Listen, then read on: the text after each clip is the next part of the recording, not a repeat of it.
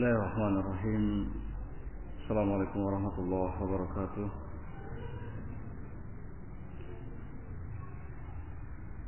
إن الحمد لله نحمده تعالى ونستعينه ونستغفره ونعوذ بالله من شرور أنفسنا وسيئات أعمالنا من يهده الله فلا مضل له ومن يضلل فلا هادي له أشهد أن لا إله إلا الله وحده لا شريك له وأشهد أن محمدا عبده ورسوله. يقول ربنا جل وعلا في كتابه الكريم يا أيها الذين آمنوا اتقوا الله حق تقاته ولا تموتن إلا وأنتم مسلمون. يا أيها الناس اتقوا ربكم الذي خلقكم من نفس واحدة وخلق منها زوجها وبث منهما رجالا كثيرا ونساء واتقوا الله الذي تساءلون به والأرحام إن الله كان عليكم رقيبا يا أيها الذين آمنوا اتقوا الله وقولوا قولا سديدا يصلح لكم أعمالكم ويغفر لكم ذنوبكم ومن يطع الله ورسوله فقد فاز فوزا عظيما. أما بعد فإن أصدق الحديث كلام الله تعالى وخير الهدي هدي محمد صلى الله عليه وعلى آله وسلم. وشر الأمور محدثاتها فإن كل محدثة في دين الله بدعة وكل بدعة ضلالة وكل ضلالة في النار. إخوانا في الدين رحمني ورحمكم الله جميعا. الحمد لله atas izin Allah Subhanahu wa taala pada pagi hari ini kita kembali dipertemukan dalam kegiatan dan di majlis yang penuh dengan barakah. Mudah-mudahan hal ini menjadi salah satu sebab dari sekian sebab yang dapat mengokohkan kita agar senantiasa berada di atas kebenaran dan berpegang teguh kepada kebenaran. Ikhwana fillah rahimani wa rahimakumullah jami'an. Syekhul Islam Ibnu Taimiyah rahimahullah beliau mengatakan amma ahlus sunnati wal hadis fama yu'lamu ahadun min ulama'ihim wa salihi 'ammatihim raja'a qattun an qawlihi wa i'tiqadihi bal hum a'zamun nas sabran fi dhalika walau imtahanu bi anwa'in minal mihan wa fatanu bi anwa'in minal fitan. Adapun ahlu sunnah dan ahli hadis maka tidak diketahui ada seorang pun dari kalangan mereka baik ulamanya ataupun yang soleh dari kalangan awamnya mencabut kembali pernyataannya yang menyangkut kebenaran dan keyakinannya justru mereka adalah orang yang paling kuat kesabarannya dalam mempertahankan apa yang telah dinyatakannya yang menyangkut kebenaran dan apa yang telah diyakininya sebagai sebuah akidah. Meskipun mereka diuji dengan berbagai macam ujian dan meskipun mereka diterpa berbagai macam fitnah. Ikhwan fillah rahimani wa rahimakumullah jami'an pantang bagi ahlu sunnah wal jamaah untuk mencabut, menarik kembali apa yang telah dinyatakannya sebagai sebuah kebenaran yang bersumber dari Al-Quran dan As-Sunnah. Pantang bagi mereka untuk melepaskan akidahnya Akidah yang bersumber dari Al-Quran dan As-Sunnah. Mereka adalah orang-orang yang kuat mempertahankan apa yang telah dinyatakannya dan apa yang telah diyakininya. Maka orang-orang yang telah dinyatakan sesat oleh ahlu sunnah wal jamaah sampai kapan pun status mereka adalah sesat sampai mereka mau meninggalkan kesesatannya dan kembali kepada kebenaran. Orang-orang yang telah dinyatakan oleh ahlus sunnah wal jamaah sebagai ahlul bid'ah, maka status mereka akan tetap seperti itu. Sampai mereka mau meninggalkan bid'ahnya dan kembali kepada sunnah. Orang-orang yang dinyatakan oleh ahlus sunnah wal jamaah sebagai hizbi status mereka akan tetap seperti itu sampai mereka mau meninggalkan hizbiyahnya dan kembali kepada jamaah dan sunnah. Orang-orang yang telah ditahdir, yang telah diberikan peringatan keras oleh ahlu sunnah wal jamaah lantaran memberikan pembelaan terhadap lembaga-lembaga yang menyebarkan fikrah bid'ah. Seperti ihya surat. Maka keadaan mereka akan tetap seperti itu. Tetap diwaspadai tetap ditahdir sampai mereka mau berlepas diri dari lembaga-lembaga tersebut. Pantang bagi ahlu sunnah wal jamaah untuk menarik kembali pernyataan-pernyataannya yang menyangkut kebenaran dan pantang bagi mereka untuk melepaskan akidah yang sudah diyakininya Inilah ciri dari ahlu sunnah wal jamaah. Dari mulai generasi pertama hingga ahlu sunnah wal jamaah. Generasi yang terakhir di zaman kita ini. Adalah para sahabat Rasul Sallallahu alaihi wa ala alihi wasallam sebagai generasi ahlu sunnah yang pertama mereka dikenal sebagai orang-orang yang paling kuat mempertahankan kebenaran. Pantang bagi mereka untuk mundur dari kebenaran, melepaskan kebenaran, melepaskan akidah yang diyakininya. Seperti ketika Raja Romawi Heraklus memanggil Abu Sufyan yang pada waktu itu statusnya masih musyrik. Dipanggil oleh Raja Romawi. Kemudian Abu Sufyan ini ditanya, "Hal yartad ahadun minhum an dinihi sukhatan lahu ba'da an yadkhula fihi?" Apakah ada salah seorang di antara mereka yang sudah ikut ajaran Muhammad sallallahu alaihi wasallam itu kemudian melepaskan ajarannya karena tidak suka dan benci terhadap ajaran tersebut setelah masuk dan mengikuti ajaran Muhammad Abu Sufyan menjawab, "La, tidak ada. Tidak ada yang seperti itu. Semua yang sudah tunduk taat patuh mengikuti ajaran Muhammad, mereka kuat dalam pendiriannya. Pantang bagi mereka untuk melepaskan keyakinannya. Dan pantang bagi mereka untuk mencabut kembali apa yang telah dinyatakannya sebagai sebuah kebenaran.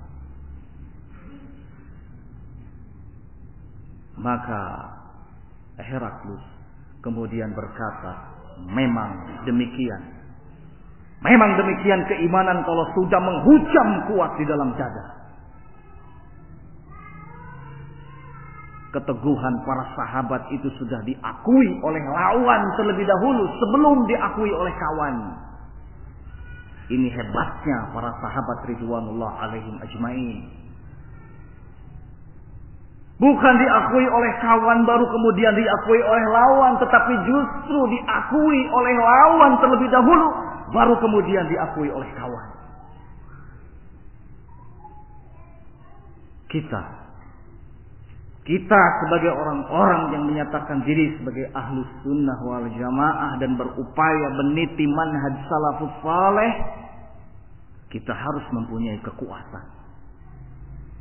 Kekuatan dalam menghadapi berbagai macam fitnah, berbagai macam ujian.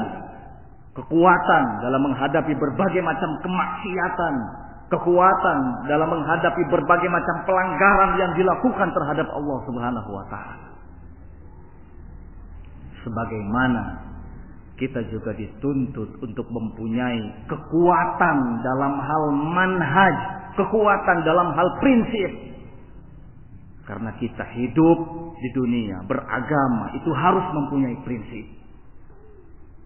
Jika tidak berada di atas kebenaran, maka sudah pasti berada di atas kebatilan. Fama ba'dal haqqi illa dhalal. Tidak ada setelah kebenaran kecuali kesesatan.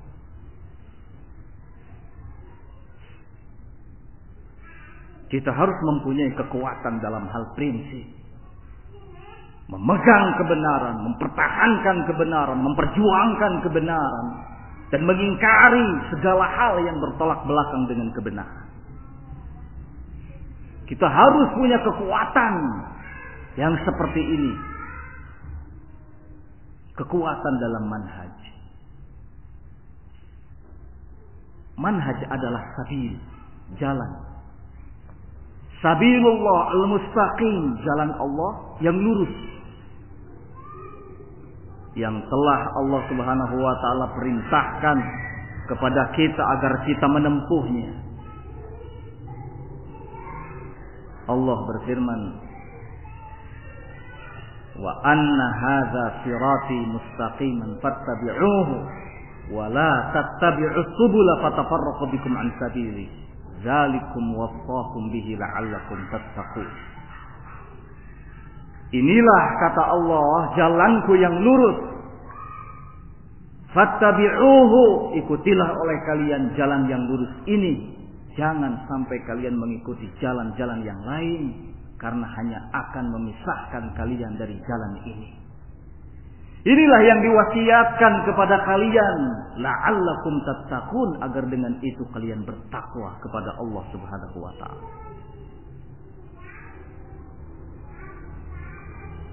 Sehubungan dengan ayat ini, sahabat Abdullah ibnu Mas'ud radhiyallahu taala anhu, Abu Abdurrahman mengatakan bahwa Rasulullah Shallallahu alaihi wa ala alihi wasallam membuat garis yang lurus.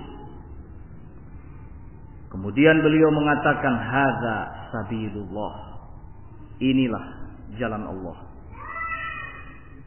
Lalu beliau sallallahu alaihi wa ala alihi wasallam kembali membuat garis, tetapi garis yang kali ini dibuatnya adalah garis yang ke kanan dan ke kiri dari garis lurus tadi.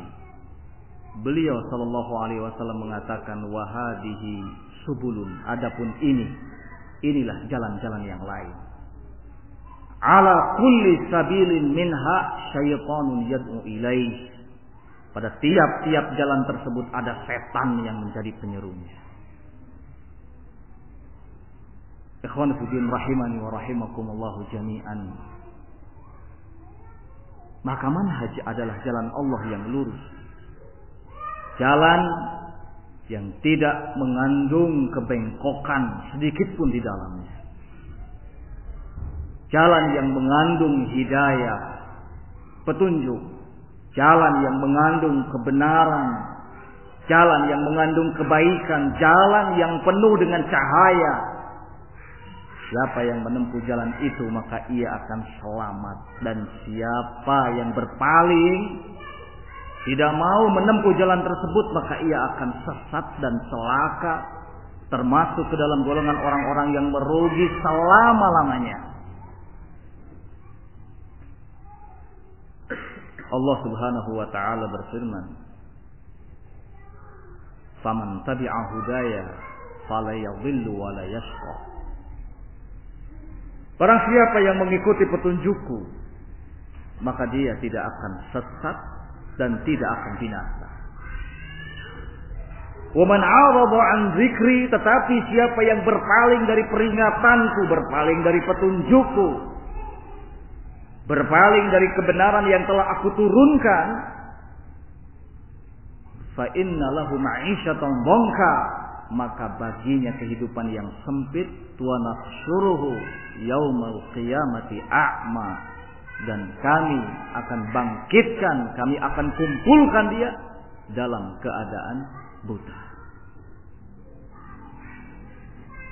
Ikhwan fiddin rahimani wa rahimakumullahu jami'an. Orang yang menempuh jalan Allah Subhanahu wa taala yang lurus, orang yang meniti manhaj ini mereka adalah ahlul haq. Mereka adalah orang-orang yang membawa kebenaran. Dan ahlul haq Orang-orang yang membawa kebenaran adalah orang-orang yang paling kuat kesabarannya. Sabar dalam mempertahankan pernyataan-pernyataannya yang menyangkut kebenaran. Sabar dalam hal mempertahankan akidah dan keyakinannya. Inilah sesungguhnya yang disebut dengan as-sabatu alal haq. Kokoh di atas kebenaran. kokoh di atas kebenaran adalah orang-orang yang sabar, yang kuat dalam mempertahankan segala pernyataan-pernyataan yang menyangkut kebenaran dan keyakinannya.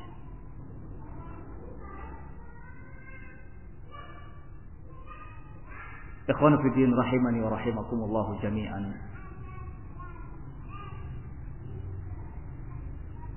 setiap mukmin, setiap muslim tentu ia akan mendapatkan ujian dalam hidupnya.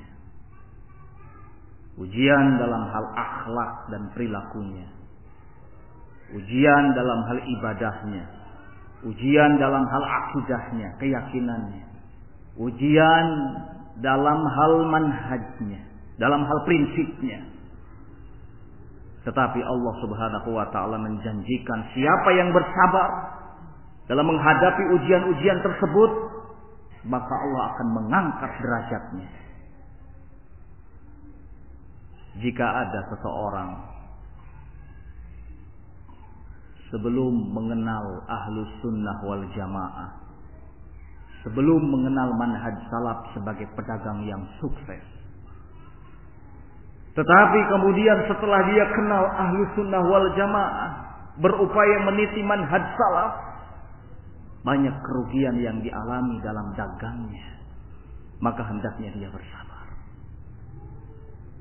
Jangan sampai meninggalkan jalan ini. Jangan sampai meninggalkan ahli sunnah wal jamaah. Jangan sampai meninggalkan manhaj. Jika ada seseorang sebelum mengenal ahlus sunnah wal jamaah sebelum mengenal manhaj salaf sebagai petani sukses. Petani yang selalu meraup keuntungan dari pertaniannya. Tetapi ketika mengenal ahlus sunnah wal jamaah mengenal manhaj salaf tiba-tiba pertaniannya selalu gagal dan tidak lagi meraup keuntungan yang besar, maka hendaknya dia bersabar. Bersabar untuk tetap berpegang di atas manhaj salaf. Jika ada sebuah keluarga yang termasuk keluarga serba kecukupan, tidak pernah kekurangan. Sebelum mengenal manhaj ahlu sunnah, sebelum mengenal dan meniti jejak salafus saleh. Dan ternyata setelah dia mengenal dakwah ahlu sunnah, setelah keluarga itu berupaya untuk meniti jejak salafus saleh, ternyata menjadi keluarga yang kekurangan. Tidak lagi serba kecukupan. Hendaknya mereka bersabar. Jangan sampai meninggalkan manhaj ini dan jalan ini. Jika ada seseorang ketika telah mengenal manhaj salaf, ketika telah bergabung dalam dakwah ahlu sunnah wal jamaah, selalu dirundung dengan berbagai macam masalah, problema, ujian, fitnah, tidak saja ditimbulkan dari keluarganya tetapi juga dari pihak luar, maka hendaknya dia bersabar. Jangan sampai meninggalkan manhaj ini.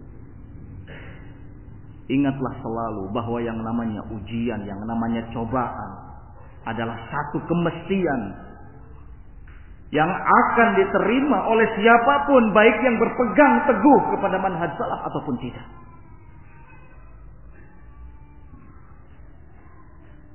Allah Subhanahu wa taala menyatakan dalam firman-Nya Alif Lam Mim Ahasiban nasu ayyutraku ayyakulu amanna wa hum la yuftanun Walaqad fatanna alladhina min qablihim fala ya'lamanna Allahu alladhina sadaqu wa la ya'lamanna al-kadhibin Alif Lam Mim Apakah manusia itu mengira bahwa mereka akan dibiarkan begitu saja. Tidak diuji, tidak dicoba, tidak diberi fitnah setelah mengatakan beriman kepada Allah Subhanahu wa taala. Padahal kata Allah, kami telah menguji manusia-manusia sebelum mereka.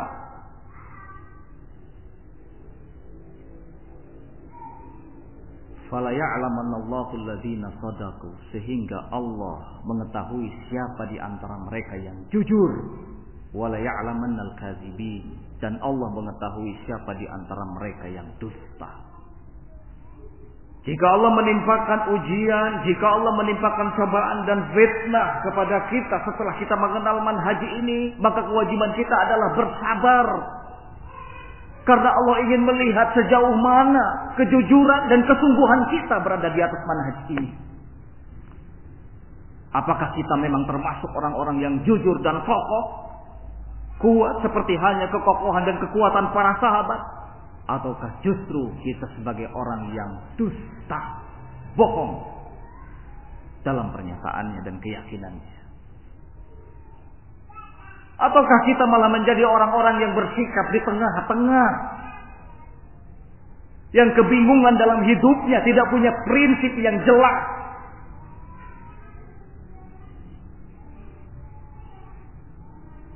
Inilah ikhwan fillah rahimani wa rahimakumullahu jami'an sebuah hikmah dalam hal ujian dan cobaan. Hikmah di balik fitnah, di balik ujian dan cobaan. Allah ingin melihat sejauh mana kejujuran kita.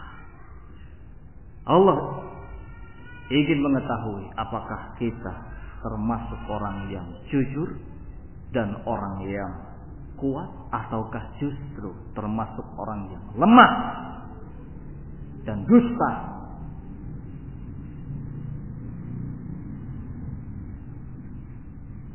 Maka kewajiban kita ikhwan fillah rahimani wa rahimakumullah jami'an adalah mempertahankan diri supaya tetap berada di atas kebenaran dan bergabung bersama dengan orang-orang yang benar. Tetap berupaya untuk meniti manhaj salaf dan bergabung dengan orang-orang yang juga berupaya seperti itu tidak mundur ketika menghadapi berbagai macam ujian dan cobaan. Tidak lemah dalam menghadapi semua itu. Tetapi betul-betul kuat, kokoh. Inilah yang diwasiatkan oleh para ulama kita. Seperti Syekh Ubaid Al-Jabiri. Beliau menasihatkan agar seorang salafi itu punya kekuatan. Orang yang menempuh manhaj salaf itu harus mempunyai kekuatan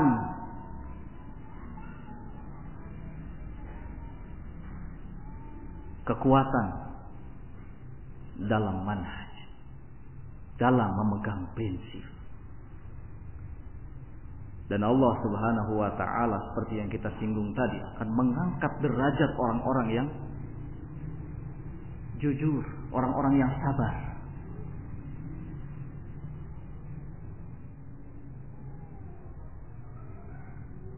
Allah Subhanahu wa taala berfirman, "Waja'alna minhum a'immatan yahduna bi amrina lamma sabaru wa kanu bi ayatina yuqinun." Kami akan jadikan mereka sebagai para pemimpin yang akan memberikan petunjuk kepada manusia sesuai dengan perintah kami. Lama sabaru ketika nampak kesabaran dalam diri mereka. Syaratnya adalah harus ada kesabaran dan kekuatan. Wa kanu bi ayatina yuqinun dan mereka orang-orang yang betul-betul yakin terhadap ayat-ayat kami.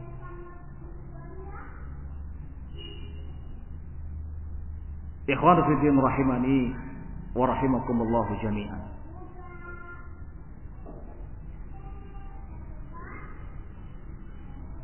Perkara yang tentu tidak diragukan lagi bahwa fitnah itu banyak bentuknya Ujian dan cobaan itu banyak bentuknya.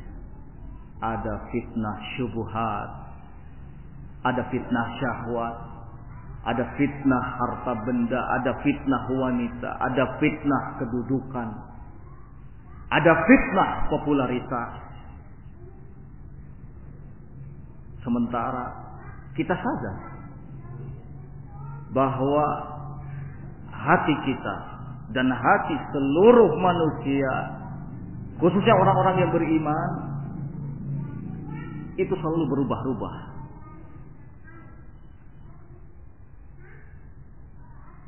Dengan cepat bisa bolak-balik.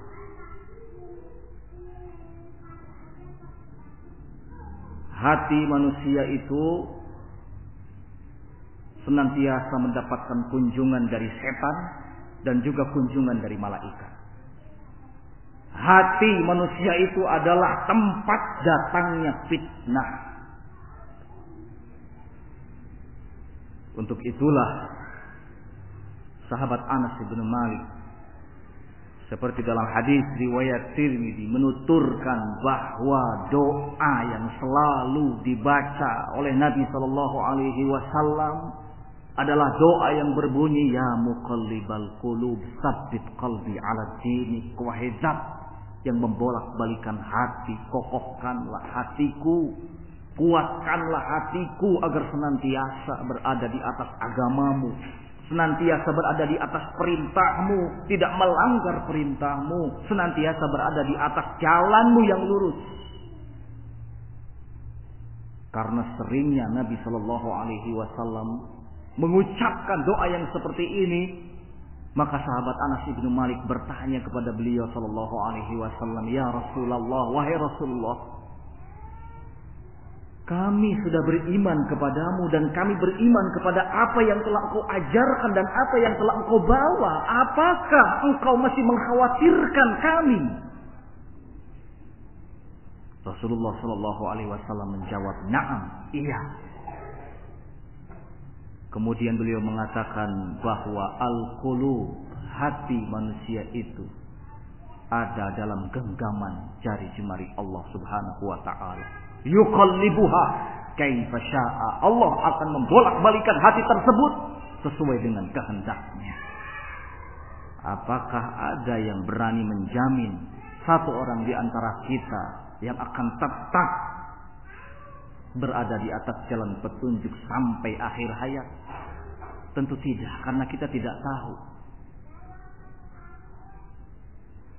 Kalau perkara ini menjadi sesuatu yang gaib bagi kita, maka kewajiban kita adalah melakukan seperti apa yang dilakukan oleh Nabi Shallallahu Alaihi Wasallam, rajin dan gemar untuk berdoa dalam setiap sujud kita.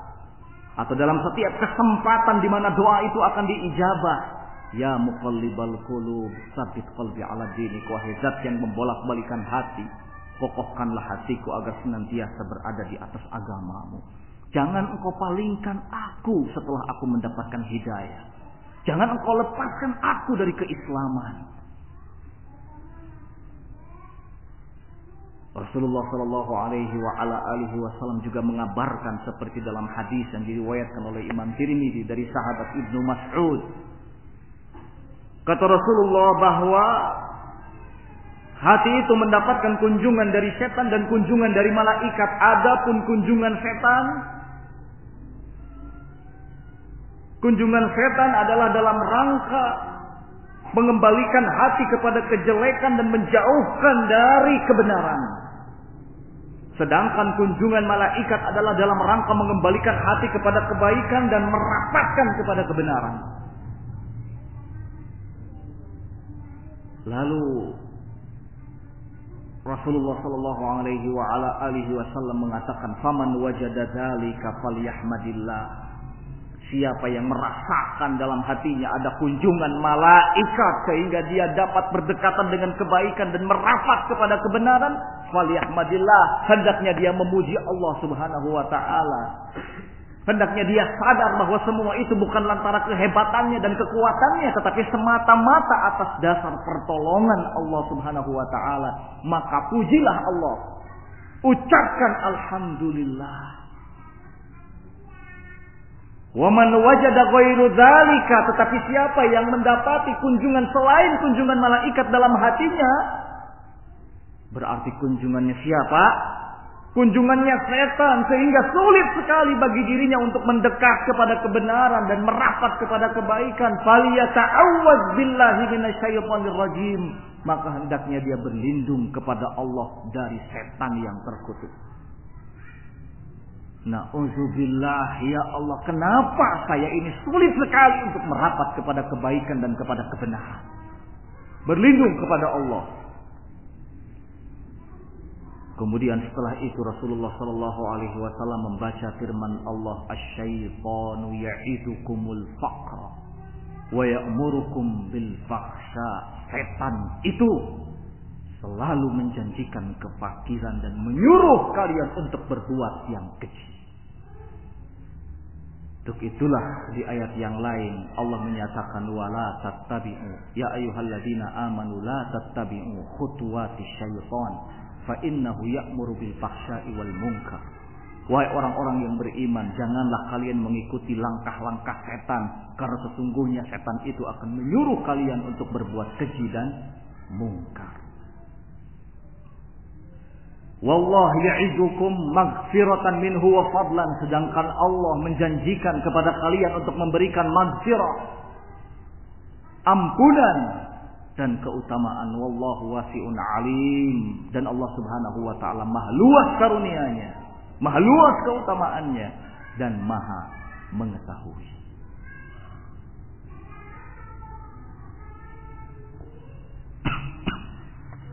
Ikhwanu fillah rahimani wa rahimakumullah jami'an. Maka kekokohan di atas kebenaran. Sabar di atas pernyataan yang menyangkut kebenaran dan di atas akidah yang benar adalah hal yang penting.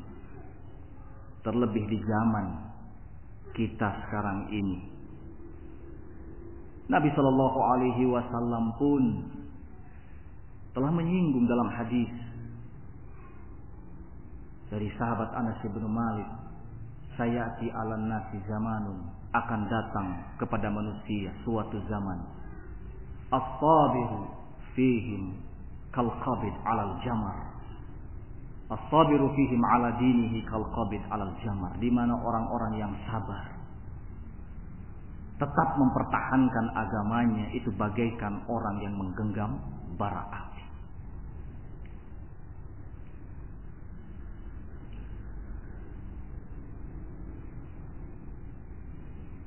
Bahkan kekokohan,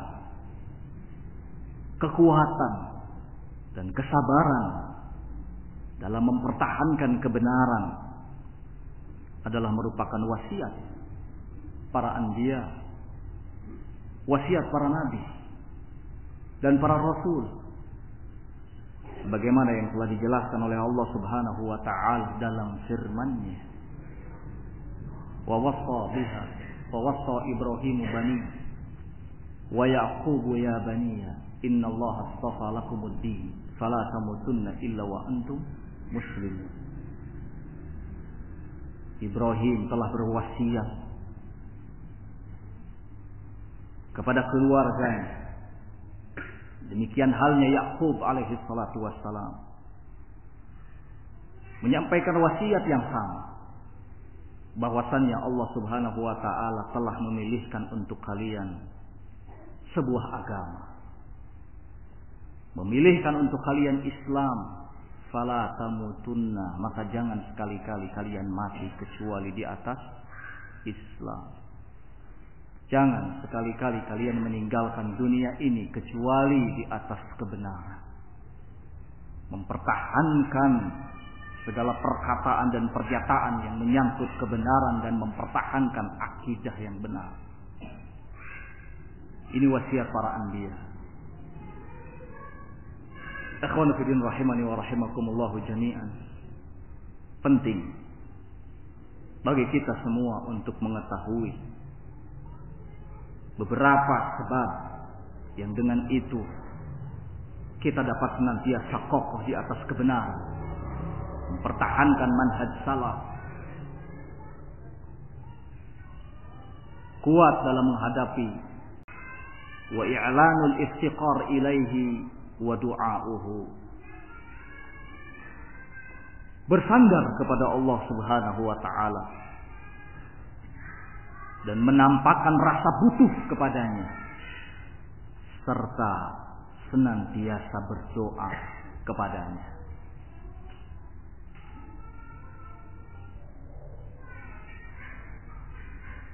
Jangan sampai ada seorang pun yang mengatakan bahwa dirinya sudah tidak lagi membutuhkan Allah. Jangan sampai ada seorang pun yang mengatakan bahwa dirinya sudah cukup dari pertolongan dan bantuan Allah. Karena siapa pun jika tidak diberi taufik, jika tidak dikuatkan dan dikokohkan oleh Allah Subhanahu wa taala, maka pasti akan sesat dan celaka. Termasuk Nabi kita Muhammad sallallahu alaihi wa ala alihi wasallam. Allah berfirman, "Walaula an sabbatnaka laqad kidta tarkanu ilaihim syai'an qalila." Kata Allah Subhanahu wa taala, seandainya atau jika bukan karena kami yang telah memberikan kekuatan dan kekokohan kepadamu, niscaya hampir saja kamu cenderung kepada mereka. Jika bukan karena Allah telah memberikan kekuatan dan kekokohan kepada kita, niscaya kita tidak akan sanggup menghadapi gelombang fitnah yang luar biasa ini. Jika bukan karena Allah Subhanahu wa taala yang telah mengokohkan dan menguatkan kita, maka kita tidak akan sanggup menghadapi gelombang kesesatan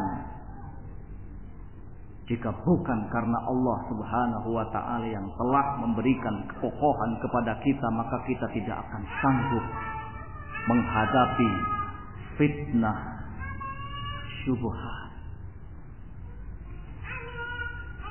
Jika bukan karena Allah Subhanahu wa taala yang telah mengokohkan dan menguatkan kita, maka kita tidak akan sanggup menghadapi badai kebid'ahan jika bukan karena Allah Subhanahu wa taala yang telah mengokohkan kita semua, niscaya kita tidak akan sanggup menghadapi fitnah yang disebarkan oleh para hizbi. Jika bukan karena kekuatan dan kekokohan yang telah diberikan oleh Allah Subhanahu wa taala kepada kita, niscaya kita tidak akan mampu menghadapi gelombang syahwat yang luar biasa.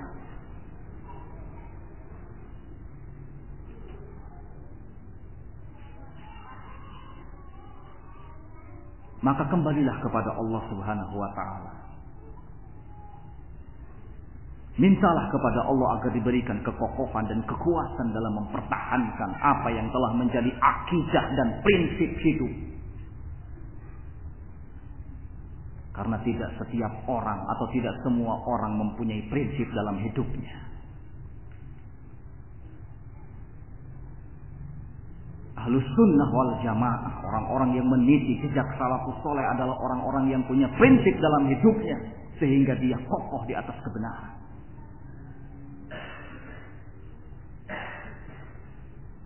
Tidak lemah.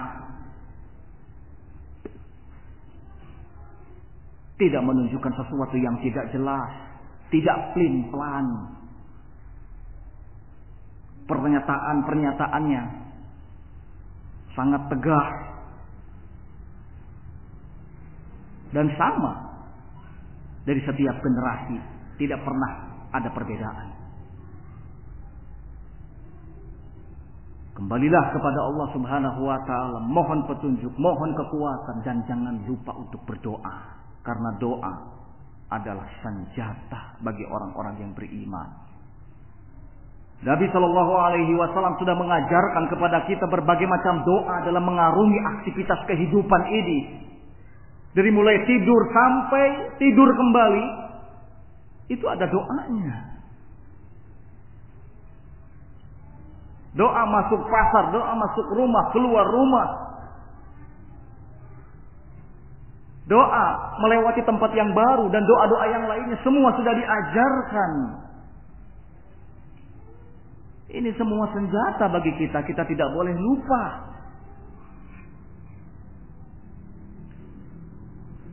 Selain itu doa juga merupakan ibadah.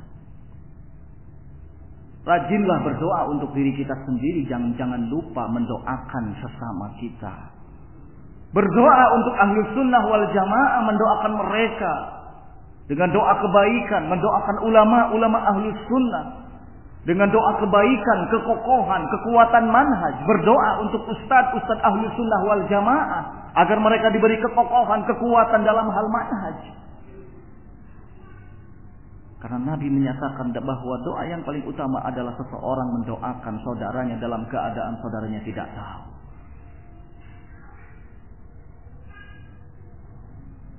Jangan kemudian berprasangka bahwa doa ini, doa yang kita ucapkan untuk saudara kita ini kemanfaatannya hanya untuk dia, tidak.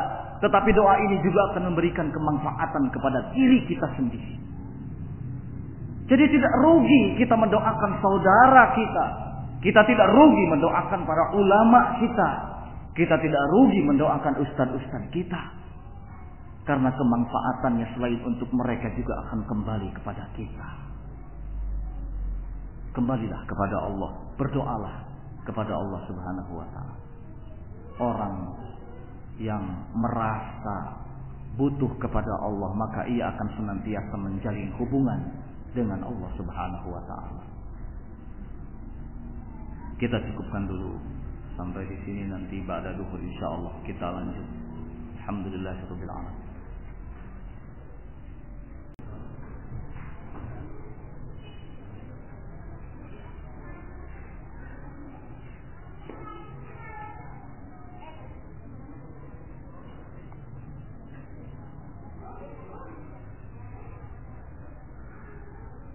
Bismillah, Alhamdulillah, wassalatu wassalamu ala rasulillah Wa ala alihi wa sahbihi wa man wala. Wa ashadu an la ilaha illallah wahdahu la sharika lah Wa ashadu anna muhammadan abduhu wa rasuluh. Ikhwani fi din rahimani wa rahimakumullahu jami'an. Sebab yang kedua yang dapat mengokohkan kita di atas kebenaran di atas manhaj yang benar adalah tadabburul Quran wa mudarasatuhu wal amalu bihi. Mentadaburi Al-Quran mempelajarinya dan mengamalkannya.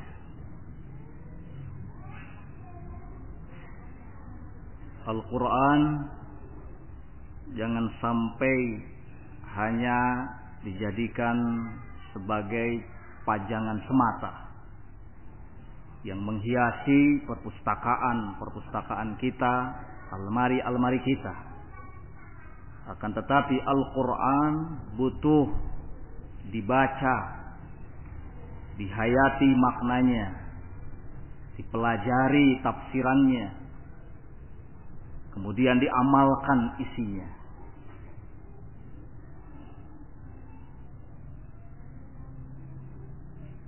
Sisakan waktu dari satu kali 24 jam yang telah diberikan oleh Allah Subhanahu wa taala untuk kita kita gunakan membaca Al-Qur'an merenungi, memahami isinya untuk kemudian mengamalkannya. Karena orang-orang yang beriman apabila dibacakan ayat-ayat Allah maka akan bertambah keimanannya. Allah Subhanahu wa taala berfirman, "Wa idza tuliyat 'alaihim ayatuhu zadatuhum imana." Apabila dibacakan kepada mereka ayat-ayat Allah, maka bertambahlah keimanannya.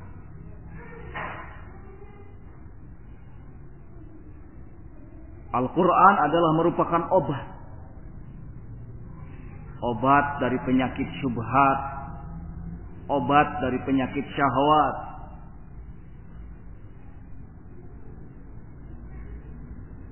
Obat dari gundah gulana. Obat dari kebingungan. Obat dari rasa galau.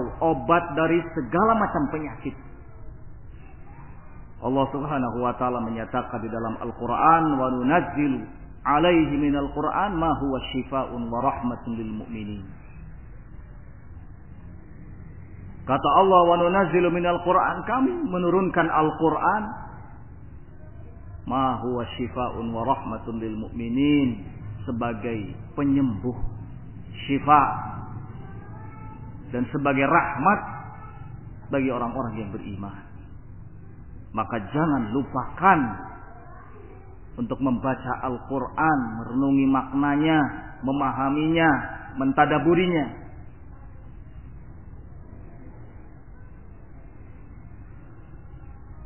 Dan jangan lupa di dalam Al-Quran juga Allah subhanahu wa ta'ala menyebutkan kisah-kisah para anbiya. Kisah para rasul. Yang semua ini tujuannya dalam rangka menguatkan hati kita untuk tetap berada di atas kebenaran, mempertahankan kebenaran, membela kebenaran, menampakkan kebenaran. Allah Subhanahu wa taala menyatakan dalam Al-Qur'an wa kullan naqussu 'alaika min anba'ir rusul ma nusabbitu bihi fuadak. Semua kisah-kisah tentang para rasul itu kami ceritakan kepadamu Manusabbitu bihi fuadak yang dengan itu kami akan mengokohkan hatimu. Jadi salah satu cara supaya kita tetap kokoh berpegang kepada manhaj salaf, akidah ahlus sunnah wal jamaah adalah membaca Al-Quran. Melihat kembali kisah-kisah yang telah Allah subhanahu wa ta'ala sebutkan di dalam Al-Quran ini janji Allah. Wallah la yukhliful mi'ad. Allah tidak pernah menyelisihi janjinya.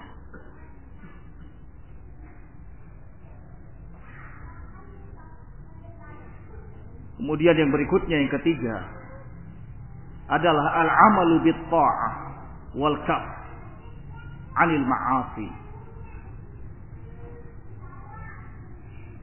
menjalankan ketaatan kepada Allah Subhanahu wa taala dan menahan diri dari melakukan kemaksiatan terhadapnya.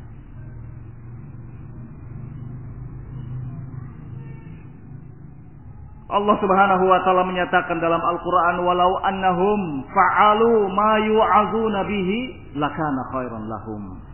wa ashadda tasbita. Seandainya kata Allah mereka melaksanakan Seandainya mereka menjalankan apa yang telah kami wasiatkan kepada mereka, apa yang telah kami wejangkan kepada mereka, lakana khairan lahum tentu hal itu akan baik bagi mereka. Wa asyadda tasdita dan akan lebih mengokohkan mereka di atas kebenaran. Dalam hadis riwayat Bukhari dari sahabat Abu Hurairah Nabi Shallallahu Alaihi wa ala alihi Wasallam menyatakan kullu ummati yadkhulunal jannata illa man aba. Semua umatku akan masuk ke dalam surga illa man aba kecuali yang enggan. Qila wa man ya'ba ya Rasulullah? Beliau ditanya, wahai Rasulullah, siapa yang enggan kira-kira? Siapa yang tidak mau masuk surga itu? Beliau mengatakan man ata'ani dakhalal jannah wa man asani faqad aba. Siapa yang taat kepadaku dialah yang akan masuk jannah, akan masuk surga dan siapa yang bermaksiat kepadaku dialah yang enggan untuk masuk ke dalam jannah. Jadi kerjakan. Lakukan ketaatan terhadap Allah Subhanahu wa taala. Wal kaf dan berhenti. Hentikan dari tindakan kemaksiatan terhadapnya. Niscaya kita akan berada di atas kekuatan. Kekuatan dalam akidah, kekuatan dalam ibadah, kekuatan dalam berperilaku yang baik, kekuatan dalam memegang prinsip hidup.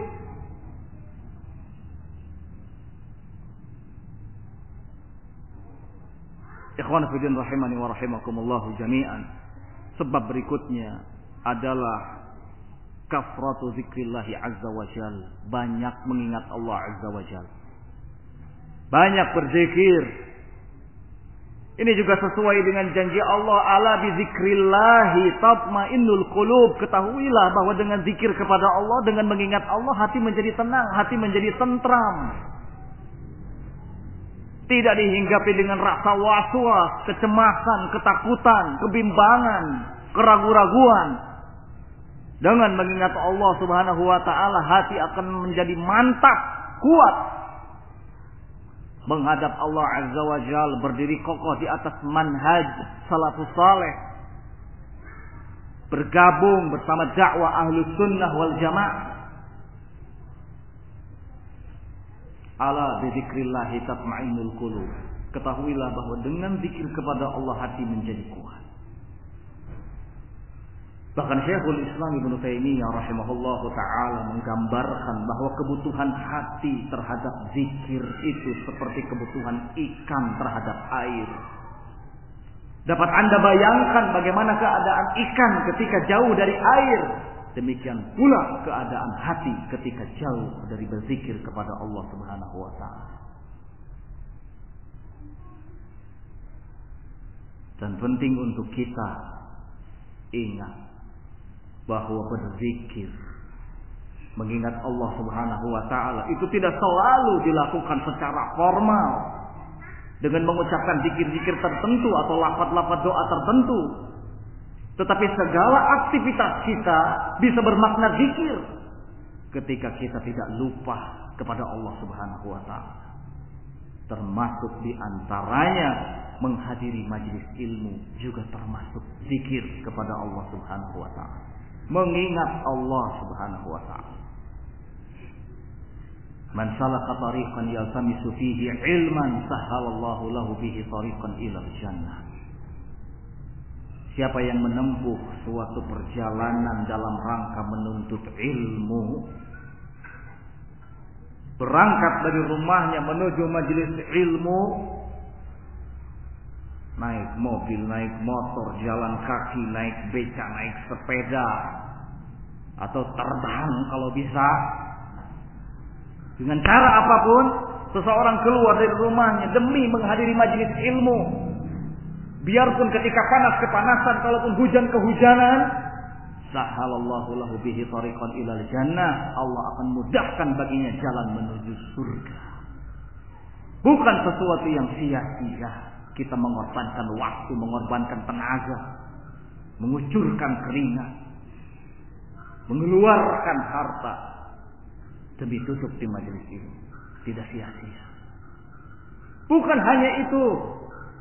Semua binatang yang ada di daratan, di lautan, di langit dan di bumi bertasbih, berdoa kepada Allah Subhanahu wa taala agar Allah mengampuni orang yang keluar dari rumahnya dalam rangka menuntut ilmu. Semuanya berdoa kepada Allah. Ya Allah, ampunilah orang itu. Hatta hitan filma sampai ikan paus yang ada di lautan. Itu berdoa kepada Allah. Memohon agar Allah memberikan ampunan kepada orang yang berjalan dalam rangka menuntut ilmu. Dalam rangka mengingat Allah Subhanahu wa taala. Dalam rangka berzikir kepada Allah Subhanahu wa taala besar bukan faidahnya besar manfaatnya Kita didoakan oleh semua binatang yang ada di daratan maupun di lautan didoakan. Dari mulai binatang yang paling kecil sampai binatang yang paling besar, semua berdoa. Memohon kepada Allah agar kita diampuni dosa-dosanya.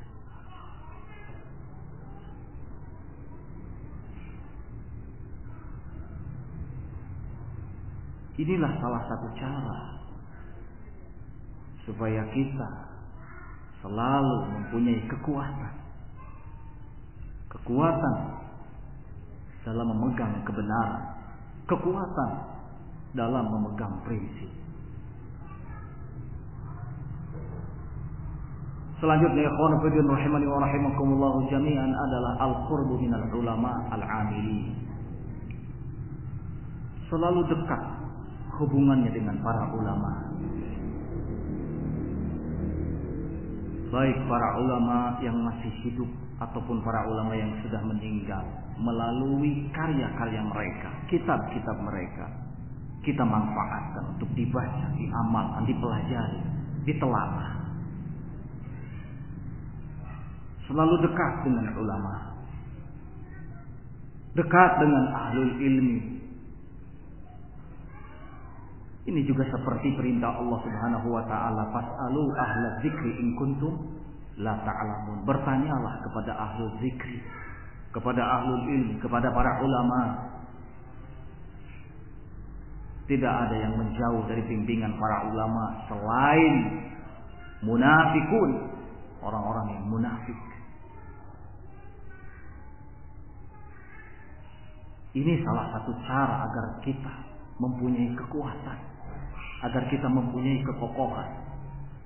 Seseorang yang meniti manhaj salaf sekali lagi harus mempunyai kekuatan. Kekuatan dalam menghadapi berbagai macam ujian dan cobaan dan kekuatan dalam memegang manhaj prinsip jalan hidup.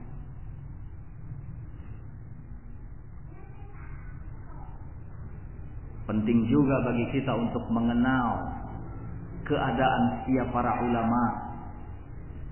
Karena keadaannya berbeda-beda.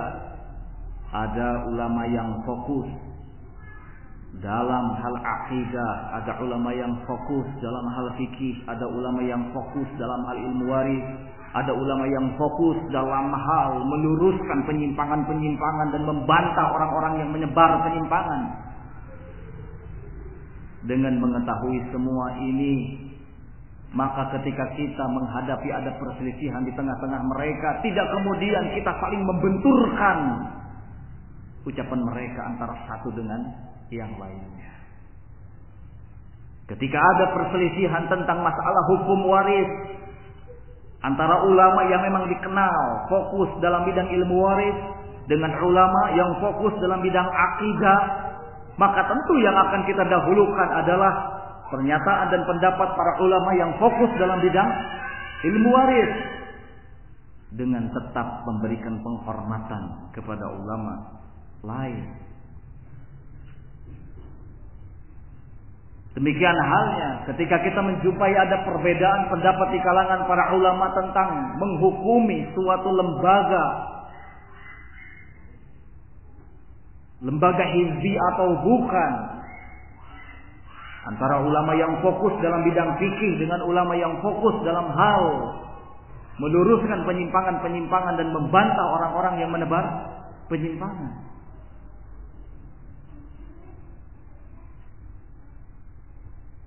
Para ulama yang fokus dalam hal meluruskan penyimpangan, menyatakan lembaga ini berbahaya, ihya usturat itu berbahaya, menyebarkan fikrah khawarij, fikrah takfir. Kemudian ada sebagian ulama yang sungguhnya fokus dalam urusan fikih lalu mengatakan tidak mengapa itu lembaga yang baik. Ketika terjadi perbedaan pandang dalam hal ini, maka yang harus kita kedepankan adalah pernyataan para ulama yang memang fokus dalam hal meluruskan penyimpangan dan membantah orang-orang yang menebar penyimpangan dengan tetap memberikan penghormatan kepada ulama yang fokus dalam bidang fikih tadi karena itu sesuai dengan pengetahuannya seperti contoh sederhananya ada orang yang sakit jantung. Datang dokter yang memang spesialis jantung memberikan obat kepadanya. Ini obatnya. Datang lagi dokter THT ngasih obat yang berbeda dengan obat yang dikasihkan oleh spesialis jantung. Kira-kira kita memilih obat yang mana? Apakah obat yang dikasihkan oleh dokter spesialis jantung ataukah obat yang diberikan oleh dokter THT? jelas kita akan lebih cenderung memilih obat yang diberikan oleh dokter yang spesialis dalam urusan jantung. Masa kita mau ngambil obat tetes mata? Penyakitnya jantung, obat yang dipakai tetes mata. Hanya orang-orang yang liar yang akan memilih obat yang seperti itu. Ya. Tahu liar? Kalau tidak tahu sekarang, insya Allah ke depan tahu. Ya. Nah seperti itu manfaat kita mengetahui keadaan para ulama. Jangan kemudian kita mengatakan, oh kalau masalah ini ada khilaf. Dan saya lebih cenderung memilih pendapat ulama yang membolehkanlah. Gak bisa, tidak bisa begitu. Khilaf para ulama tidak boleh dijadikan hujah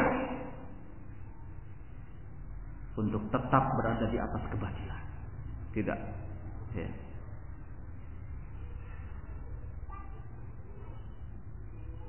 Untuk itu akhwan fillah rahimani wa rahimakumullah jami'an al-qurbu minal ulama.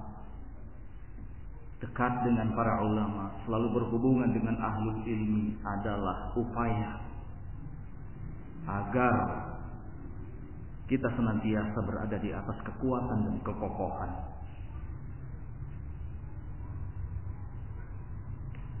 Karena fitnah ya, semakin hari itu bukan malah berkurang, tapi semakin banyak. Bukan semakin kecil bentuknya, tapi justru semakin besar. Ini yang kita khawatirkan. Sementara hati kita ada dalam genggaman Allah Subhanahu wa taala. Maka tidak ada upaya lain bagi kita kecuali menempuh sebab-sebab yang bisa mengokohkan hati. Ikhwanu fillah rahimani wa rahimakumullah jami'an. Berikutnya adalah tahqiqul iman billahi azza wa jalla. Mewujudkan keimanan kepada Allah azza wa jalla dengan benar. Melalui tauhid. Mentauhidkan Allah dengan benar beriman bahwasannya Allah itu ada beriman kepada rububiyahnya kepada uluhiyahnya kepada asma dan sifatnya.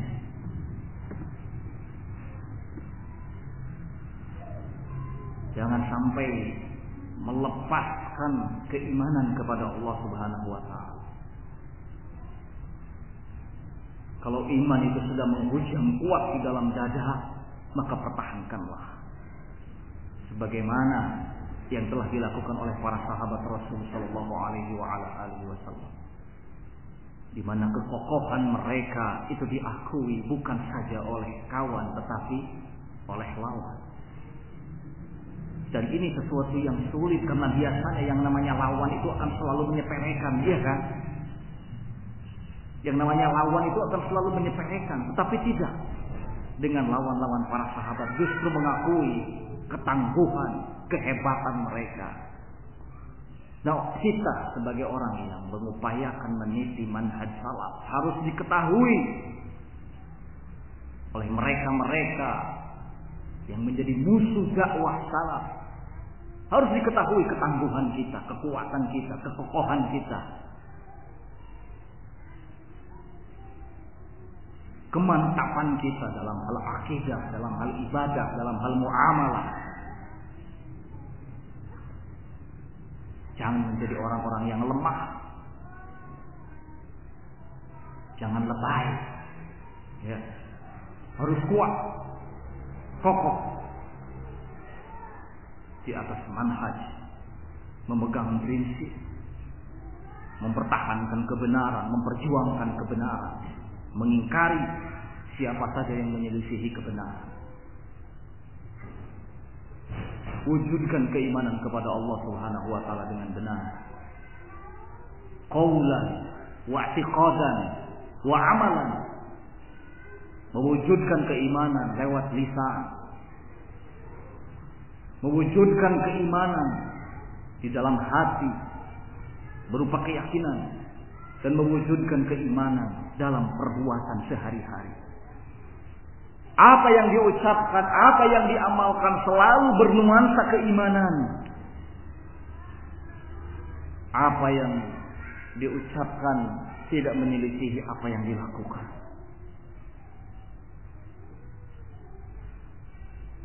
Apa yang dilakukannya selalu sesuai dengan apa yang diucapkannya dan apa yang tertanam di dalam hati. Ini keimanan. Orang yang perbuatannya bertolak belakang dengan ucapannya itu keadaannya seperti sebuah lilin yang menyala. Dia mampu menebar cahaya kepada yang ada di sekitarnya tetapi kemudian membakar dirinya sendiri. Lilin kalau menyala itu lambat laun akan meleleh bukan? Kemudian hancur habis. Seperti itulah keadaan orang yang perbuatannya bertolak belakang dengan ucapannya. Bagaikan lilin, memang mampu menebar cahaya untuk yang ada di sekitarnya, tetapi kemudian cahaya itu membakar dirinya sendiri. Wal'iyadzubillah.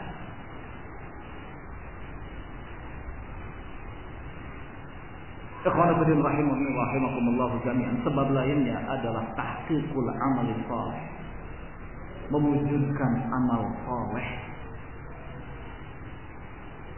dalam kehidupan sehari-hari. Tidak beribadah kecuali hanya kepada Allah Subhanahu wa taala saja. Tidak beribadah kepada Allah kecuali sesuai dengan apa yang telah disyariatkannya dan sesuai dengan apa yang telah diajarkan oleh Rasulullah Shallallahu alaihi wasallam. Karena inilah atau model amal soleh yang seperti inilah yang dikehendaki oleh Allah. Wa ma umiru illa liya'budullaha mukhlishina lahuddin.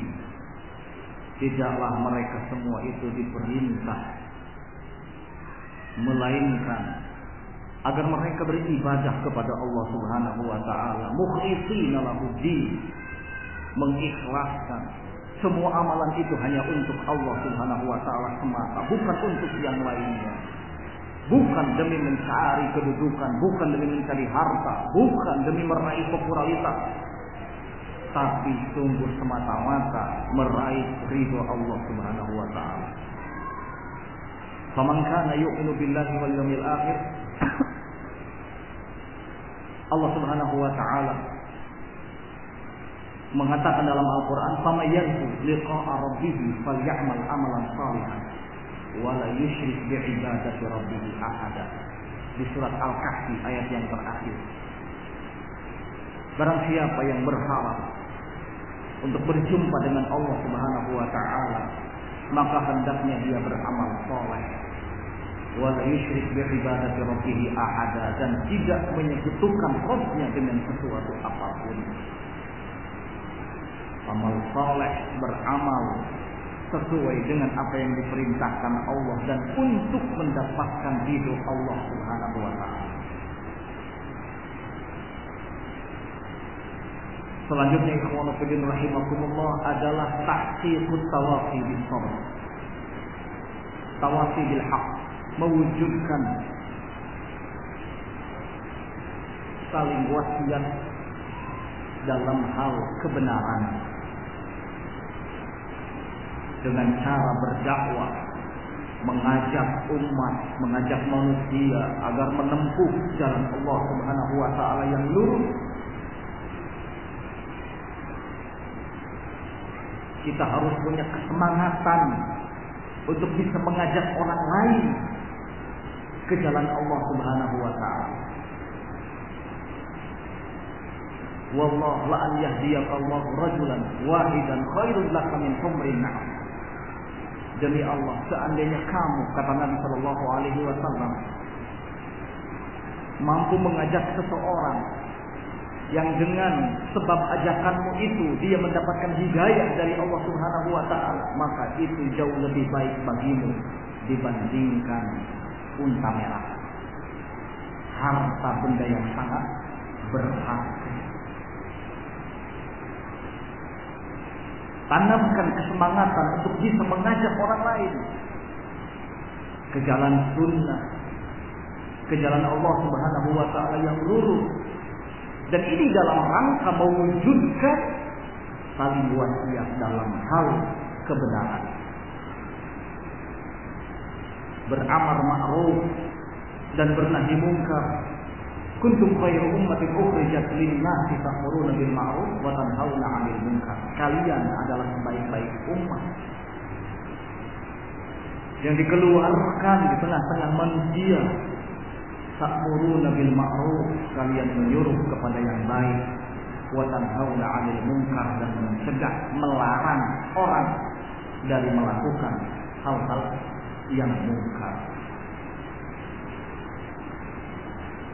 Ini dimaksud dengan mewujudkan saling wasiat dalam hal kebenaran. Kemudian mewujudkan saling wasiat dalam hal kesabaran. Mengingatkan semua orang bahwa betapa besar pahala yang Allah Subhanahu wa taala siapkan untuk hamba-hambanya yang bersabar. Innama yuwaffat sabiruna ajrahum bighairi hisab. Sesungguhnya Allah Subhanahu wa taala akan memberikan pahala, memberikan balasan kepada orang-orang yang sabar dengan balasan yang sempurna.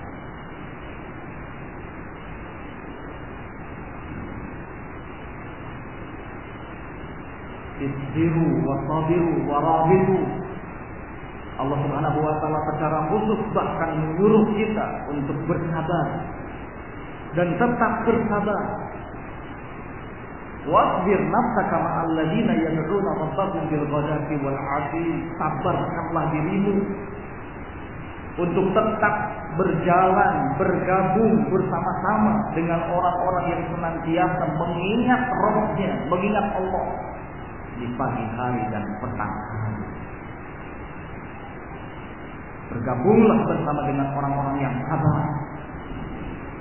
Duduklah bersama dengan mereka, bertemanlah bersama dengan mereka karena mereka akan membawa kita kepada kebaikan. Dan itu sesuai dengan perintah Allah Subhanahu wa taala.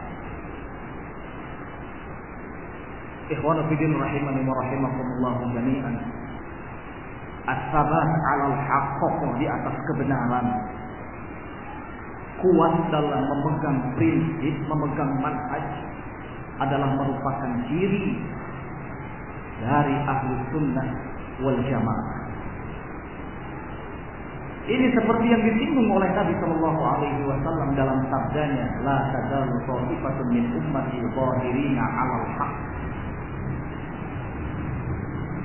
akan tetap ada sekelompok dari kalangan umatku kata Nabi yang mereka tetap teguh dalam pendiriannya berdiri tegak di atas kebenaran. La yadurruhum man khadalahum. Tidak akan membahayakan mereka orang-orang yang mencemoohnya. Wala man khalafahum. Tidak juga orang-orang yang menyelisihinya hatta ya'tiya amrullah wa hum ala dhalik.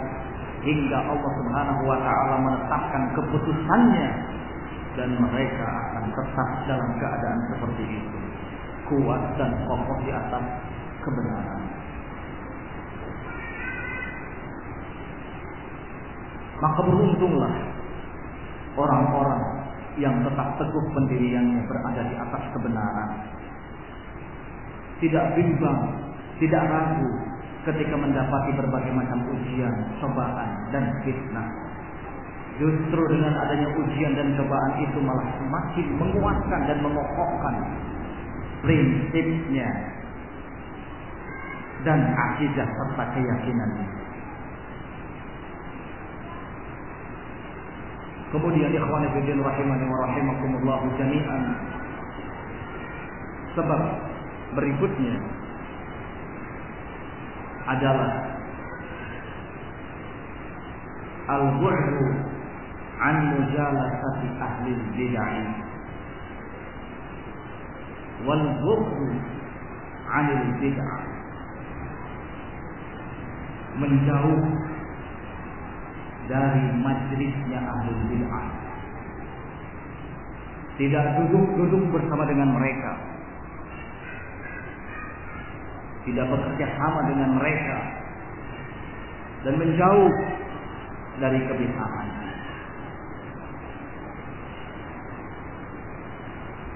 Dan ini sesungguhnya adalah salah satu dari tiga dasar ajaran kaum salaf.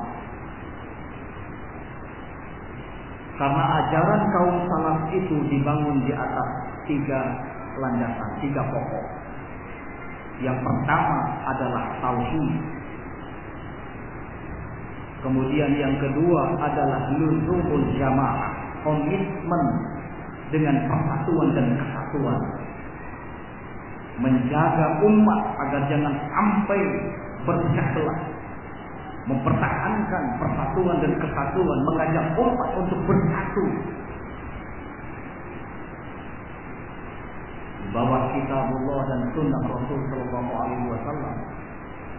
Lalu yang ketiga adalah al-hadar min al bid'ah wal mubtadi'ah. Waspada dari kebid'ahan dan dari para pelaku bid'ah. Inilah tiga dasar ajaran kaum salaf. Di mana pun kita berada,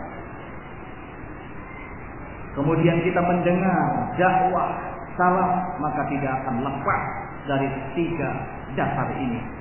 Mengajak kepada tauhid mengajak kepada persatuan dan kesatuan kemudian waspada dari kebid'ahan dan dari para pelakunya untuk itu tidak heran kalau banyak di antara para salaf yang memberikan wasiat arahan agar jangan sampai kita masuk ke dalam kebid'ahan dan bekerja sama dengan pelaku bid'ah. Agar jangan sampai kita duduk-duduk bersama dengan mereka.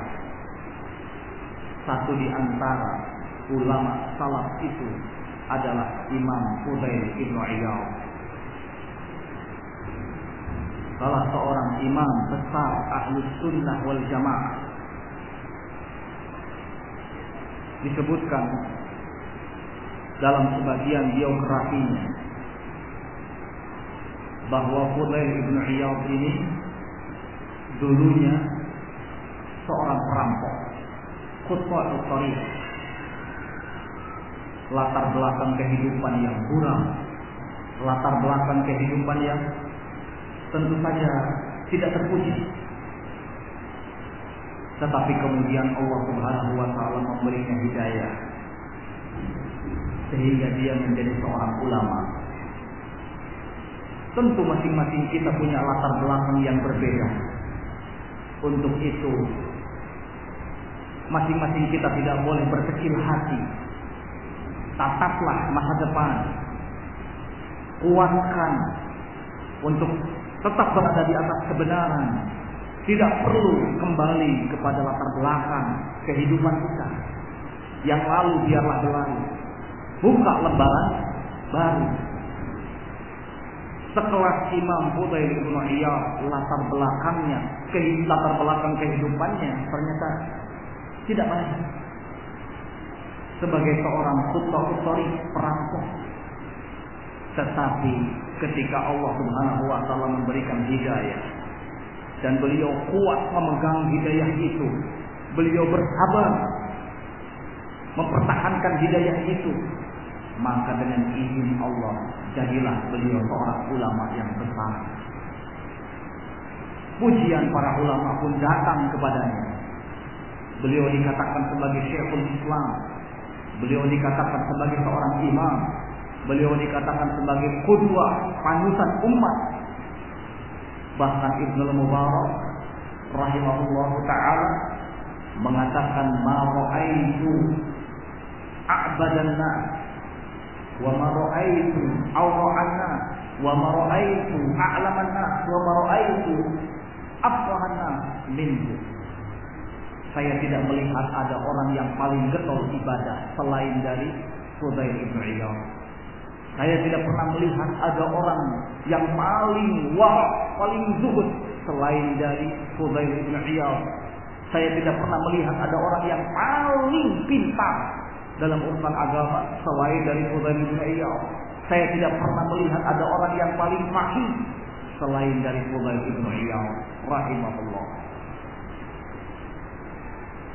Ikhwan fillah rahimani wa rahimakumullah jami'an disebutkan dalam sebagian biografi hidupnya bahwa beliau ini bertaubat dari perbuatan jeleknya itu ketika mendengar sebuah ayat yang dibacakan.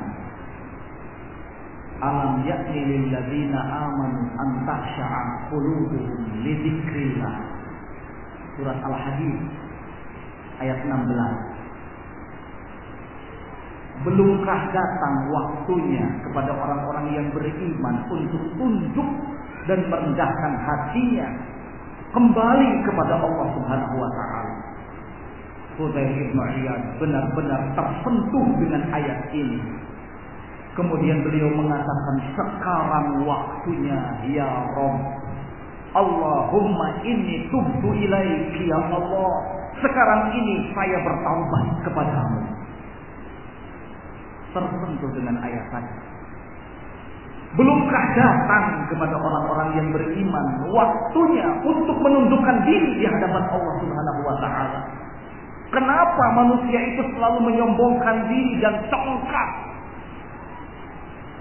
melakukan pelanggaran demi pelanggaran terhadap Allah Subhanahu wa taala? Belumkah datang waktunya kepada mereka untuk kembali bertaubat kepada Allah? Dengan ayat ini Imam Fudail ibnu Iyad tersentuh hatinya. Ia mengatakan, Ya Allah, Ya Rabb, sekarang ini waktunya saya bertaubat kepadamu.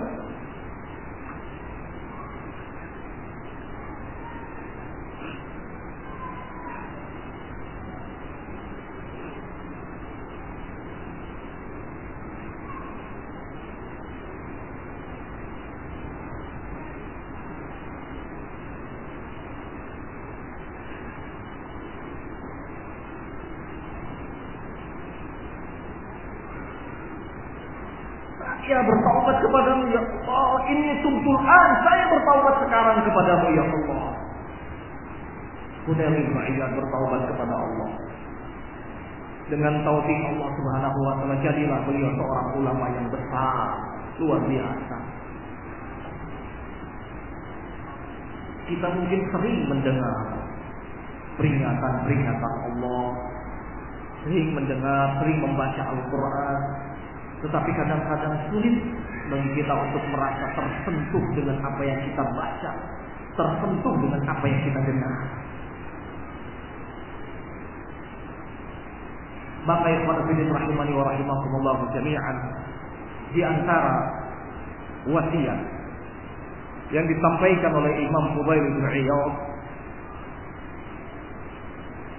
terkait dengan larangan untuk duduk bergaul bersama dengan ahli bid'ah adalah yang pertama dikeluarkan oleh Imam Abu Nuaim dalam Al-Hilyah dari Abdul Samad bin Yazid. Beliau mengatakan sami'tu Fudail bin Iyad yaqul Man ahabba sahiba bid'atin ahbata Allah amalah wa akhraja nurul Islam min qalbi.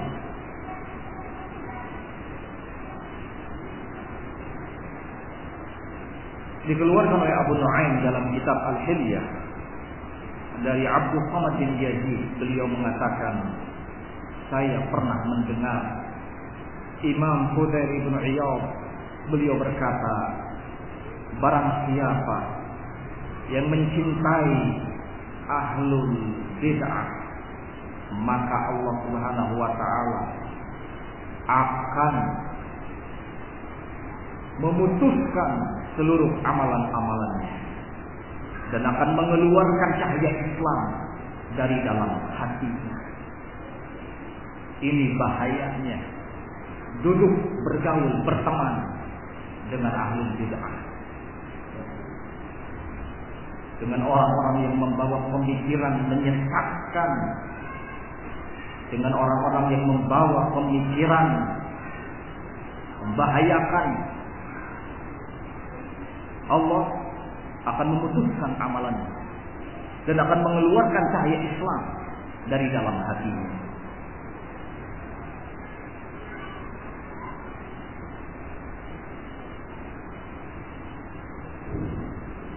Kemudian yang kedua, wasiat Fudail bin Iyad terkait dengan masalah ini adalah man a'ana sahiba bid'atin faqad a'ana ala hadmil Islam. Siapa saja yang membantu ahlul bid'ah maka sungguh dia telah membantu untuk menghancurkan Islam.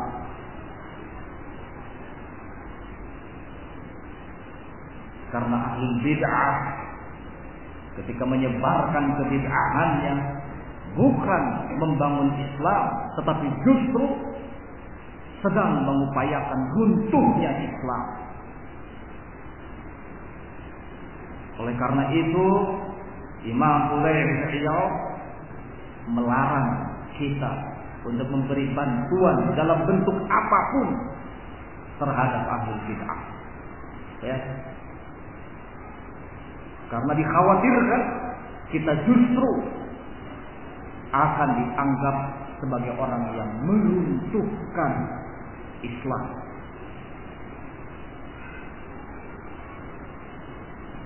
Berikutnya yang ketiga, sebuah riwayat yang dikeluarkan oleh Imam Al-Lalikai rahimahullahu taala dari Abdul Samad bin Yazid. Qala sami'tu Fudail ibn Iyad yaqul man jalasa ma'a sahibi bid'atin bahzar wa man jalasa ma'a sahibi bid'atin lam yu'ta al-hikmah. Dikeluarkan oleh Imam Al-Lalikai dalam Sharh Sunnah dari Abdul Somad bin Yazid beliau berkata saya pernah mendengar Fudail ibnu Iyad mengatakan siapa yang duduk bersama dengan ahlul bid'ah maka waspadailah berhati-hatilah darinya. Waman jalasa ma'a sahibi bid'atin lam yuqta al-hikmah. Dan barang siapa yang duduk bersama dengan ahlul bid'ah, bergaul bersama dengan mereka, kerjasama dengan mereka, lam yuqta al-hikmah, ia tidak diberi hikmah. Imam Fudail bin Iyad rahimahullah taala dalam hal ini memberikan arahan kepada kita agar tidak saja waspada kepada orang-orang yang jelas sebagai ahli bid'ah tetapi juga beliau mewanti-wanti kepada kita. Beliau mengarahkan kepada kita agar waspada kepada orang-orang yang sudah mulai ada kecenderungan senang kepada ahli bid'ah. Yang perlu diberikan peringatan bukan saja ahli bid'ah, tetapi juga orang-orang yang sudah mulai ada kecenderungan dekat dan membela ahli bid'ah, sekalipun dari kalangan ahli sunnah wal jamaah.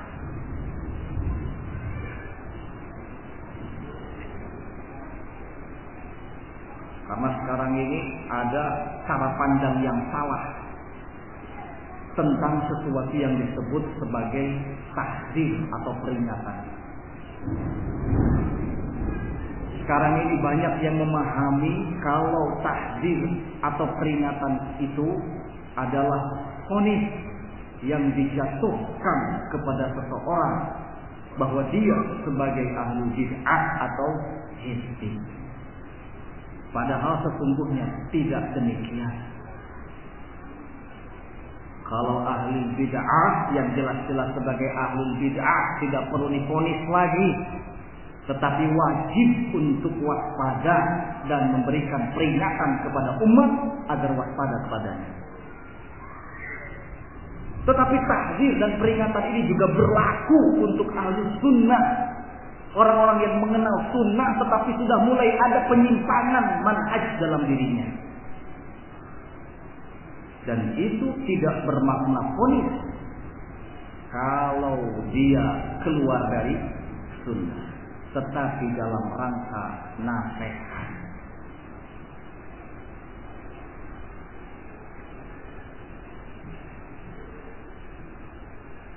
Jadi tahdir atau peringatan itu tidak selalu bermakna ponis. Tapi ada kalanya bermakna nasihat khususnya yang ditujukan kepada mereka yang mengenal sunnah, mengenal manhaj, tetapi ada penyimpangan. Karena banyak orang yang tidak paham tentang masalah tahdir ini, akhirnya ketakutan ketika mendengar kata tahdir. Padahal dakwah Nabi salah satunya dibangun di atas landasan ini Nabi mengatakan tidak ada seorang nabi pun sebelum aku melainkan nabi tersebut akan memberitahukan kepada umatnya kebaikan yang diketahuinya untuk mereka dan mengingatkan umat.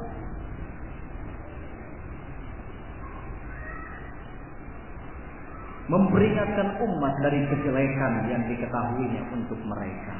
Bahasanya takdir dalam hadis itu. Dan tadi sudah kita singgung bahwa al-hadar minal bid'ah wal mubtadi'ah waspada tahzir dari bid'ah dan ahli bid'ah adalah merupakan salah satu dari tiga landasan ajaran kaum salaf.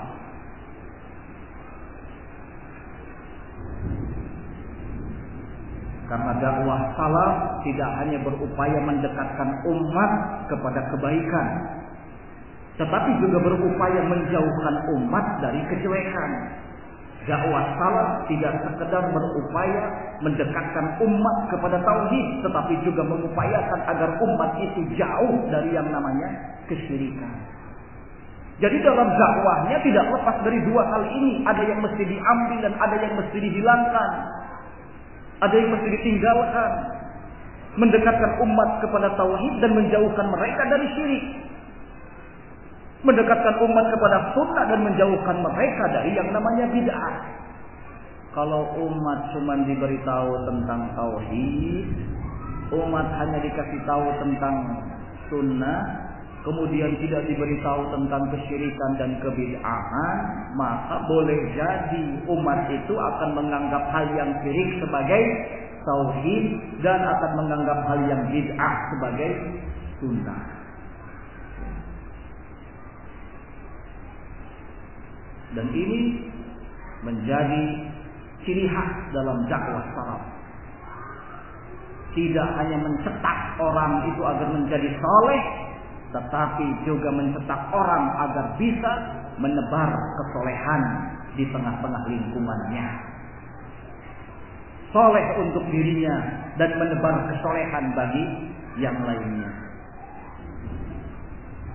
Bahkan dakwah salaf juga tidak sekedar mencetak umat itu agar menjadi soleh dan bisa menebar kesolehan, tetapi juga berupaya agar umat itu cerdas dalam urusan agamanya.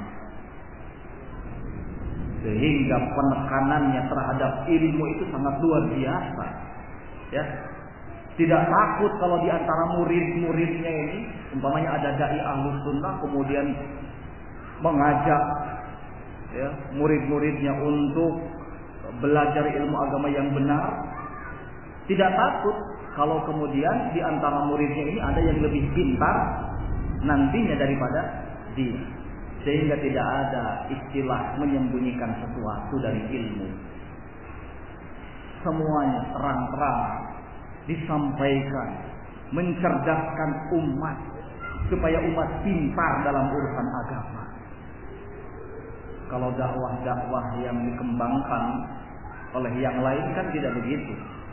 Kadang-kadang sebagian yang disampaikan, sebagiannya lagi disembunyikan. Kenapa? Karena khawatir tersaingi ya kan? Karena ilmunya kalau dihitung misalkan hanya sampai 50%. Akhirnya berupaya agar umat itu ya ilmunya 30% sajalah atau 20% saja. Karena kalau sudah menyamai nanti nggak dipakai lagi. Ya kan? Kalau dakwah ahlu sunnah tidak begitu, justru ahlu sunnah wal jamaah atau dakwah ahlu sunnah wal jamaah atau para duat dai-dai ahlu sunnah wal jamaah merasa bangga dan merasa senang kalau umat itu semuanya pintar dalam urusan agama. Ya. Ikhwan fillah rahimani wa rahimakumullah jami'an kembali kepada wasiat Imam Budair bin Riyad Beliau kemudian mengatakan al-mu'minu yaqifu 'inda syubhah wa man dakhala 'ala sahibi bid'atin falaysat lahu hurmah seorang mukmin itu harus berhenti di depan syubhat jangan masuk ke dalam syubhat berhenti di depan syubhat kerancuan berpikir karena tidak setiap ajakan itu isinya baik. Apalagi zaman sekarang.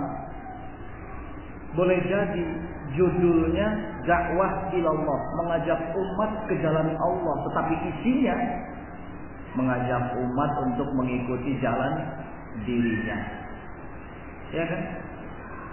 Banyak sekarang yang seperti ini. Oleh karena itu tidak setiap ajakan itu benar harus dilihat apakah ajakan ini sesuai dengan petunjuk Rasul Shallallahu Alaihi Wasallam atau tidak. Maka seorang mukmin hendaknya waspada, hendaknya berhati-hati, berhenti di depan syubhat, jangan mencoba melangkah masuk atau bersentuhan dengan syubhat. Kemudian kata beliau, "Wa man dakhala 'ala sahibi bid'atin siapa yang masuk bersama-sama dengan ahli bid'ah atau kepada ahli bid'ah bergabung dengan ahli bid'ah falaisat lahu hurmah maka dia tidak lagi punya kehormatan ada orang yang mulai nyeleneh pada awalnya dikenal sebagai ahli sunnah tetapi kemudian mulai nyeleneh curhat yang bukan-bukan mulai ada kecenderungan senang kepada ahli bid'ah maka secara otomatis hilang kehormatan dirinya. Ya. Jadi yang menjatuhkan kehormatannya sesungguhnya bukan orang lain tetapi dirinya sendiri. Kenapa Anda bermain-main dalam kobaran api atau dalam lingkaran api? Barang siapa yang masuk bergabung mulai cenderung dekat kepada ahlul bid'ah laisat lahu hurmah dia tidak akan punya kehormatan demikian dalam kehidupan sehari-hari kalau kita bergabung kalau kita mencoba berdekatan dengan ahlul ma'asi maka ini akan membuat kehormatan kita menjadi hilang Ya.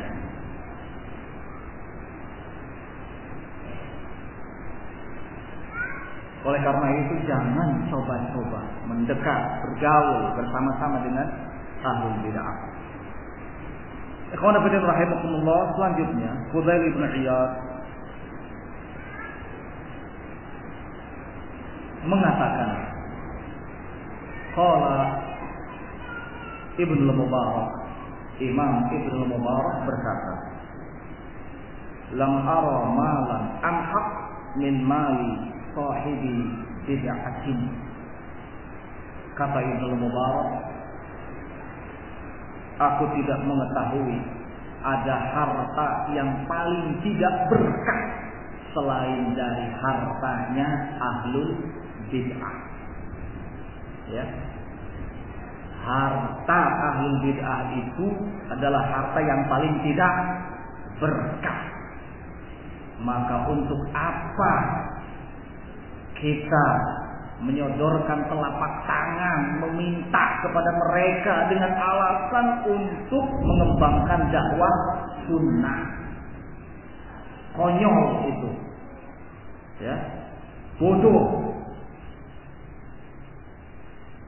Jangan sampai dinyatakan kalau ada ahli sunnah yang meminta bantuan kepada ahli bid'ah itu bagus, cerdas. Memanfaatkan harta mereka untuk dakwah. Ini pernyataan yang konyol, pernyataan yang salah, pernyataan yang bodoh. Kita diajarkan oleh para ulama bahwa harta benda mereka adalah harta benda yang paling tidak berkah. Masa mau kita jadikan sebagai modal untuk berdakwah, mengembangkan sunnah? Ini sesuatu yang tidak dibenarkan, sesuatu yang salah, sesuatu yang keliru. Karena harta itu dilihat halalnya bukan dari segi zatnya. Tetapi juga dilihat dari segi yang lainnya, dari mana kita mendapatkannya.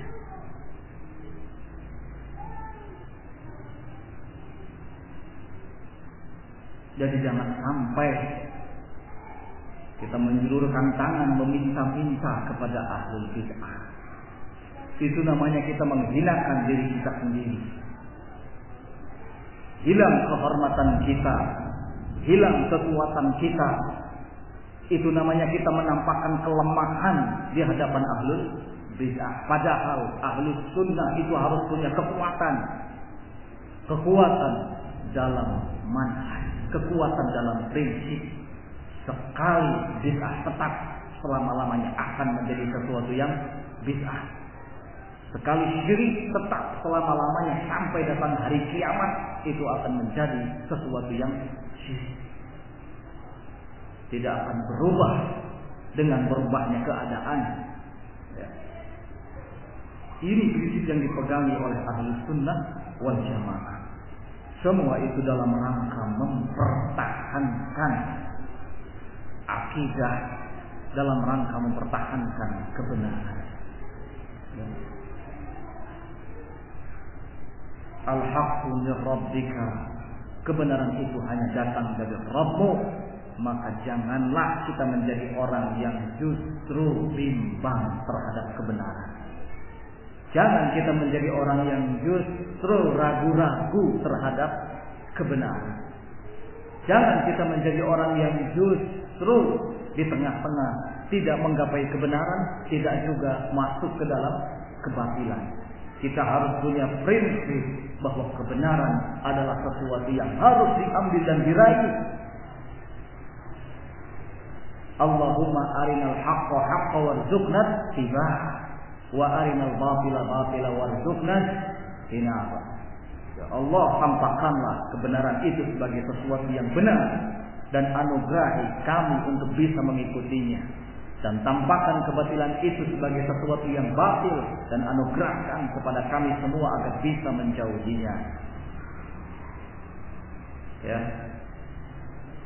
Ikhwan fillah rahimani wa rahimakumullah jami'an. Nampaknya pertemuan kita cukupkan sampai di sini. Kurang dan lebihnya mohon maaf.